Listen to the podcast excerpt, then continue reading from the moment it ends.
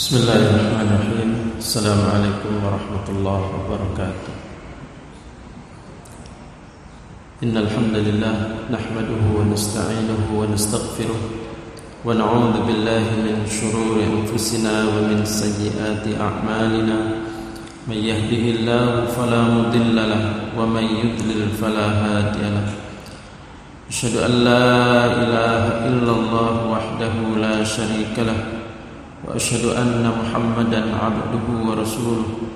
اللهم صل وسلم وبارك على نبينا الكريم وعلى آله وصحبه ومن تبع هداه إلى يوم الدين أما بعد.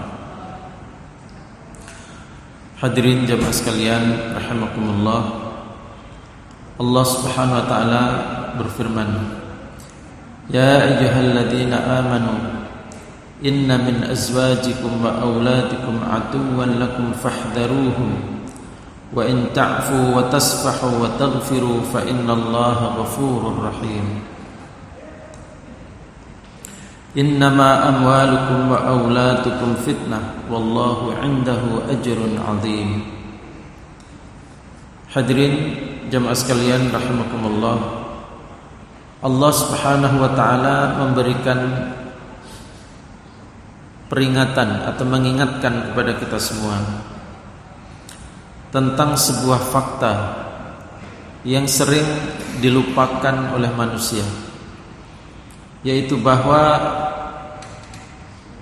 anggota keluarga kita kadangkala bisa menempati posisi sebagai musuh buat kita.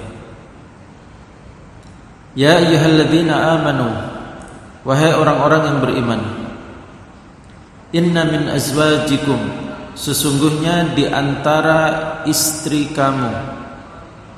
Min azwajikum ini juga bisa dimaknai kadang-kadang. Ada sebagian istri kamu atau kadang-kadang istri kamu. Wa auladikum dan anak-anak kamu aduwwal lakum adalah musuh bagi kamu.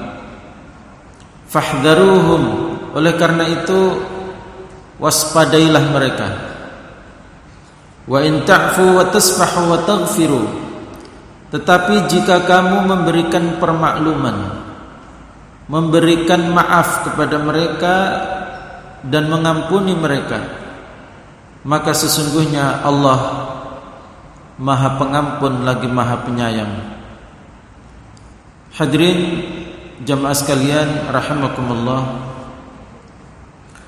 kita dipanggil oleh Allah Subhanahu wa taala, ya ayyuhalladzina amanu wahai orang-orang yang beriman. Sebab panggilan ini merupakan panggilan yang paling fair di hadapan Allah. Meliputi semua ras yang ada. Dipersatukan oleh iman. Ketika kita bicara iman, tidak akan ada istilah perbedaan rasial. Sentimen rasial tidak ada. Siapa pun orang yang statusnya adalah beriman Mau orang Indonesia atau bukan Indonesia Suku apa pun dia Kulit putih, kulit hitam, kulit apa pun dia Sepanjang dia predikatnya adalah orang beriman Maka dipanggil oleh Allah subhanahu wa ta'ala Ini merupakan satu inspirasi lain Bahwa Agama Islam merupakan agama yang paling sempurna dalam meniadakan rasialisme. Terbukti dari cara memanggilnya, benar-benar cara panggilan yang lintas rasial. Ya ayyuhalladzina amanu wahai orang-orang yang beriman. Beriman kepada Allah, beriman, kepada hari akhir, beriman kepada Nabi, kepada Rasulullah, beriman kepada kitabullah dan semua rukun Islam yang rukun iman yang lain.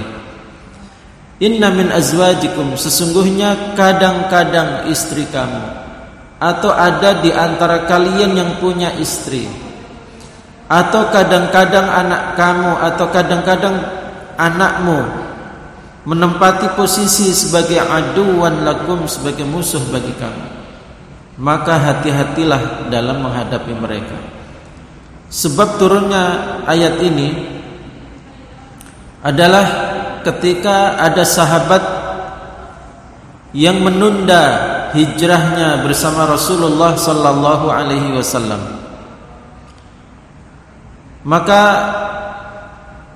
pada akhirnya yang bersangkutan tetap hijrah tetapi mengalami keterlambatan delay beberapa saat atau beberapa lama, mungkin juga sampai beberapa bulan. Kenapa dia menunda hijrahnya?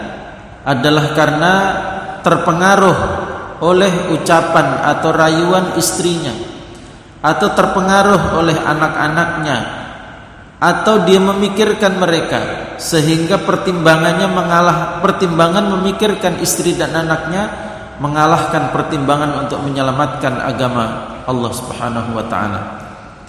Maka pada akhirnya yang bersangkutan tetap hijrah bersama Rasulullah sallallahu alaihi wasallam.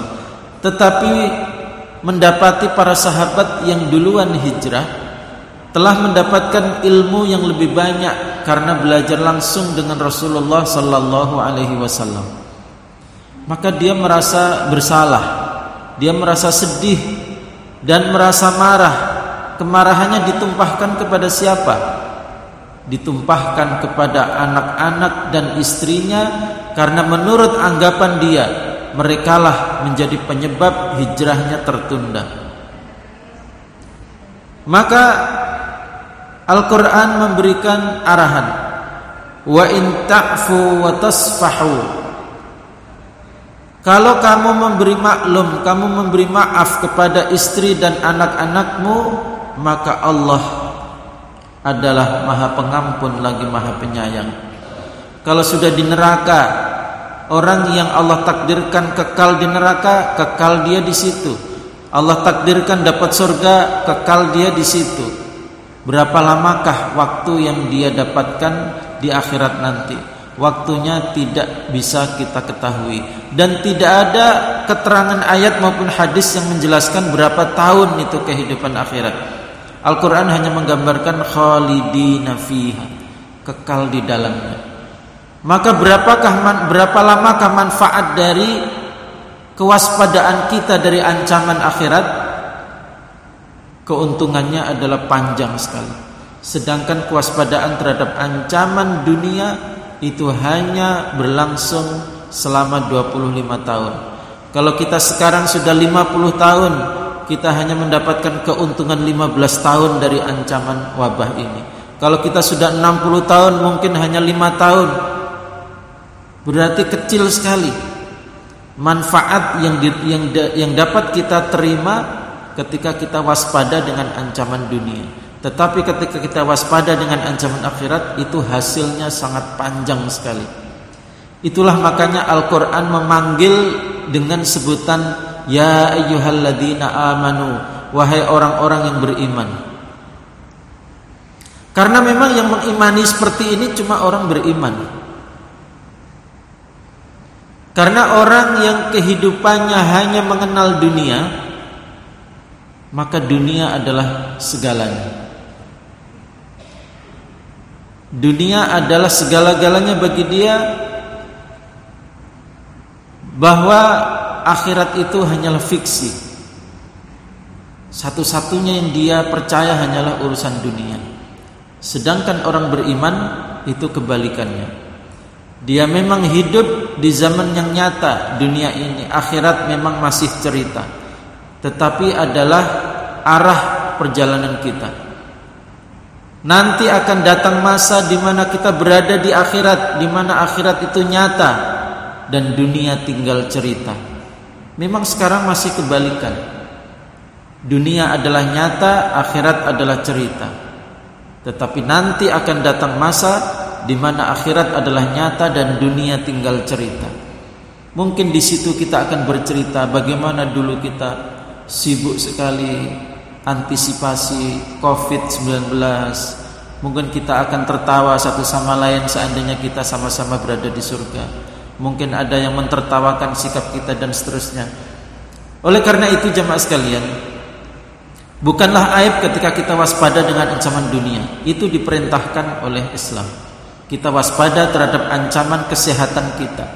Terbukti kita tidak boleh bunuh diri Ketika nyebrang jalan kita tidak boleh kemudian pakai standar tawakal, tidak tengok kanan, tidak tidak, tidak tengok kiri, itu bunuh diri. Kita dilarang untuk pasrah dengan ancaman dunia. Kita mesti lari. Ada harimau mengancam, kita lari. Itu adalah standar kehidupan dunia. Artinya itu itu bagian dari Islam. Tetapi yang ingin kita ingatkan di sini dengan ayat ini adalah bahwa ketika kita sudah berhasil begitu waspada dengan ancaman dunia, maka bagi seorang mukmin mestinya dia lebih waspada lagi dengan ancaman akhirat. Lalu apa ancaman akhirat itu? Ternyata ancaman akhirat itu yang lebih berbahaya dari Covid-19 kata Al-Qur'an kadang-kadang datang dari istri sendiri. Kadang-kadang datang dari anak kita sendiri. Oleh karena itu lanjutan ayat ini mengatakan Innama amwalukum wa auladukum fitnah Sesungguhnya harta kamu dan anak-anak kamu adalah fitnah, ujian bagimu. Wallahu indahu ajrun adim dan Allah memiliki pahala yang besar, artinya menyediakan pahala yang besar. Kalau kita berhasil dalam mewaspadai harta dan anak-anak kita. Maka hadirin jamaah sekalian dirahmati Allah, kita harus mindset kita kita luruskan. Bahwa kita punya banyak ancaman dalam kehidupan kita bukan cuma Covid-19 justru Covid-19 itu ancaman yang kecil sangat kecil karena hanya ancaman dunia kita. Sedangkan ancaman yang sesungguhnya mengancam akhirat kita adalah istri, anak, harta, jabatan, tempat tinggal, kendaraan, kemudahan, kesehatan, waktu luang, teknologi, semua itu adalah ancaman-ancaman. Ancaman terhadap akhirat kita dan itu bisa lebih serius, lebih berbahaya dibanding Covid-19. Sebab Covid-19 tadi kita ilustrasikan hanya mendapatkan hasil 15 tahun ke depan 25 tahun ke depan habis itu selesai kita mati-mati juga. Sedangkan ancaman untuk akhirat kita itu akan berlaku di akhirat nanti. Itulah makanya Rasulullah sallallahu alaihi wasallam mengajarkan doa. Allahumma la taj'al musibatana fi dinina. Ya Allah, janganlah Engkau timpakan musibah itu terhadap agama kami. Musibah menimpa agama. Musibah itu apa? Musibah itu kecelakaan. Kecelakaan seperti apa? Jatuh dalam maksiat. Kecelakaan seperti apa? Terlambat untuk hijrah bersama Nabi Muhammad itu musibah. Terlambat mendapatkan sholat jamaah bersama imam bagi laki-laki itu juga musibah. Musibah ketika terlambat bangun, ketika subuh. Musibah ketika Salat tidak tepat waktu Banyak sekali musibah-musibah itu. Maka kita diajari doa oleh Rasulullah SAW Allahumma la taj'al musibatana fi dinina Ya Allah jangan engkau timpakan musibah itu mengenai agamaku Mengenai akhiratku Meskipun tidak dilanjutkan Tidak apa-apa kalau musibah itu menimpa duniaku tetapi ini menjadi semacam kesimpulan tersirat. Tersirat kesimpulan. Biarlah musibah itu menimpa menimpa duniaku, asal jangankan tidak menimpa akhiratku. Yang terbaik adalah tidak dua-duanya. Musibah itu tidak menimpa dunia kita dan tidak menimpa akhirat kita, tetapi rasanya sulit sekali. Orang hidup di dunia layaknya di surga, segala sesuatunya dimudahkan oleh Allah tetapi kemudian di akhirat juga mendapatkan surga sebab nilai surga itu adalah dari kesungguhan dari ujian dari rasa sakit dari segala macam tantangan maka ujian-ujian dunia itu adalah sesuatu yang nyata yang tidak mengapa ketika seseorang mendapatkan ujian dunia. Yang penting musibah itu tidak mengenai akhiratnya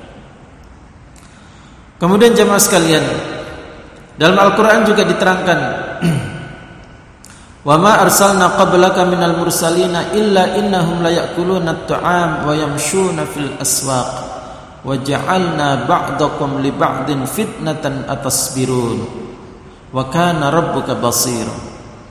Tidaklah kami mengutus sebelum engkau wahai Muhammad dari rasul-rasul sebelummu kecuali semua rasul-rasul sebelummu itu mereka jalan-jalan di pasar dan memakan makanan seperti kamu makan. Artinya manusia biasa bukan malaikat. Ini adalah sebagai bentuk jawaban terhadap komplainnya orang Quraisy ketika mereka mengatakan kenapa nabi yang diutus kok jalan-jalan di pasar, masih makan seperti kita kok bukan malaikat. Coba kalau utusannya itu malaikat. Kan lebih terasa suci. Lebih terasa unik Kenapa utusan Allah kok makan seperti kita makan, jalan-jalan di pasar seperti kita, seperti manusia yang lain? Maka Al-Quran menjawab, itu bukan hanya berlaku pada Nabi Muhammad, itu sudah berlaku pada nabi-nabi sebelumnya. Berlaku pada Nabi Adam, Nabi Nuh, Nabi Ibrahim, Nabi Musa, Nabi Isa, semua nabi-nabi sama. Tidak ada yang unik. Semua adalah makan seperti makanan orang lain dan jalan-jalan di pasar untuk memenuhi kebutuhannya. Wa ja'alna ba'dakum li ba'din fitnatan atasbirun. Dan kami jadikan kamu dengan sebagian yang lain adalah sebagai fitnah, saling menguji. Atas birun, apakah kalian akan sabar? Jemaah sekalian, dalam penjelasan ayat ini para ulama tafsir menyebutkan bahwa seseorang dengan seseorang itu adalah saling menguji satu sama lain. Orang tua adalah ujian untuk anaknya. Apakah anaknya bersabar atau tidak dengan orang tuanya itu? Anak adalah ujian bagi orang tua, istri adalah ujian bagi suami, suami ujian bagi istri. Semua adalah seperti itu. Atasan adalah ujian bagi bawahan, bawahan ujian bagi atasan. Begitu semuanya kehidupan ini. Satu sama lain adalah saling menguji maka Allah yang ingin yang ingin lihat, dilihat oleh Allah adalah atas birun apakah kamu bisa sabar menghadapi ujian-ujian itu maka hadirin jamaah sekalian dirahmati Allah Allah menurunkan wabah ini adalah dalam rangka kita introspeksi. Dan dalam rangka kita mempersembahkan ibadah yang terbaik kepada Allah Subhanahu wa taala. Dan menjadi satu perenungan buat kita semua ketika kita begitu sibuk mewaspadai ancaman kesehatan fisik kita di dunia maka apakah kita sudah begitu sibuk mewaspadai ancaman akhirat kita ancaman dunia kita ini pelajaran yang sangat penting kalau ternyata kita masih meremehkan ancaman akhirat kita, kita layak malu di hadapan Allah Subhanahu wa taala. Malu ketika Allah memberikan kita fisik yang sehat. Allah memberikan semua kemudahan untuk kita. Ternyata kita masih lebih sibuk dengan urusan dunia daripada sibuk dengan urusan akhirat kita. Maka mudah-mudahan dengan adanya wabah ini kita semua menjadi lebih baik Demikianlah perenungan kita pada siang hari ini semoga bermanfaat. Aku qouli hadza wa astaghfirullah li wa lakum. Wa sallallahu ala nabiyyina Muhammad wa ala alihi wa sahbihi wa baraka sallam. Wa akhiru da'wana anil hamdulillahi rabbil alamin. Subhanakallahumma bihamdika asyhadu an la ilaha illa anta astaghfiruka wa atubu ilaik. Wassalamu alaikum warahmatullahi wabarakatuh.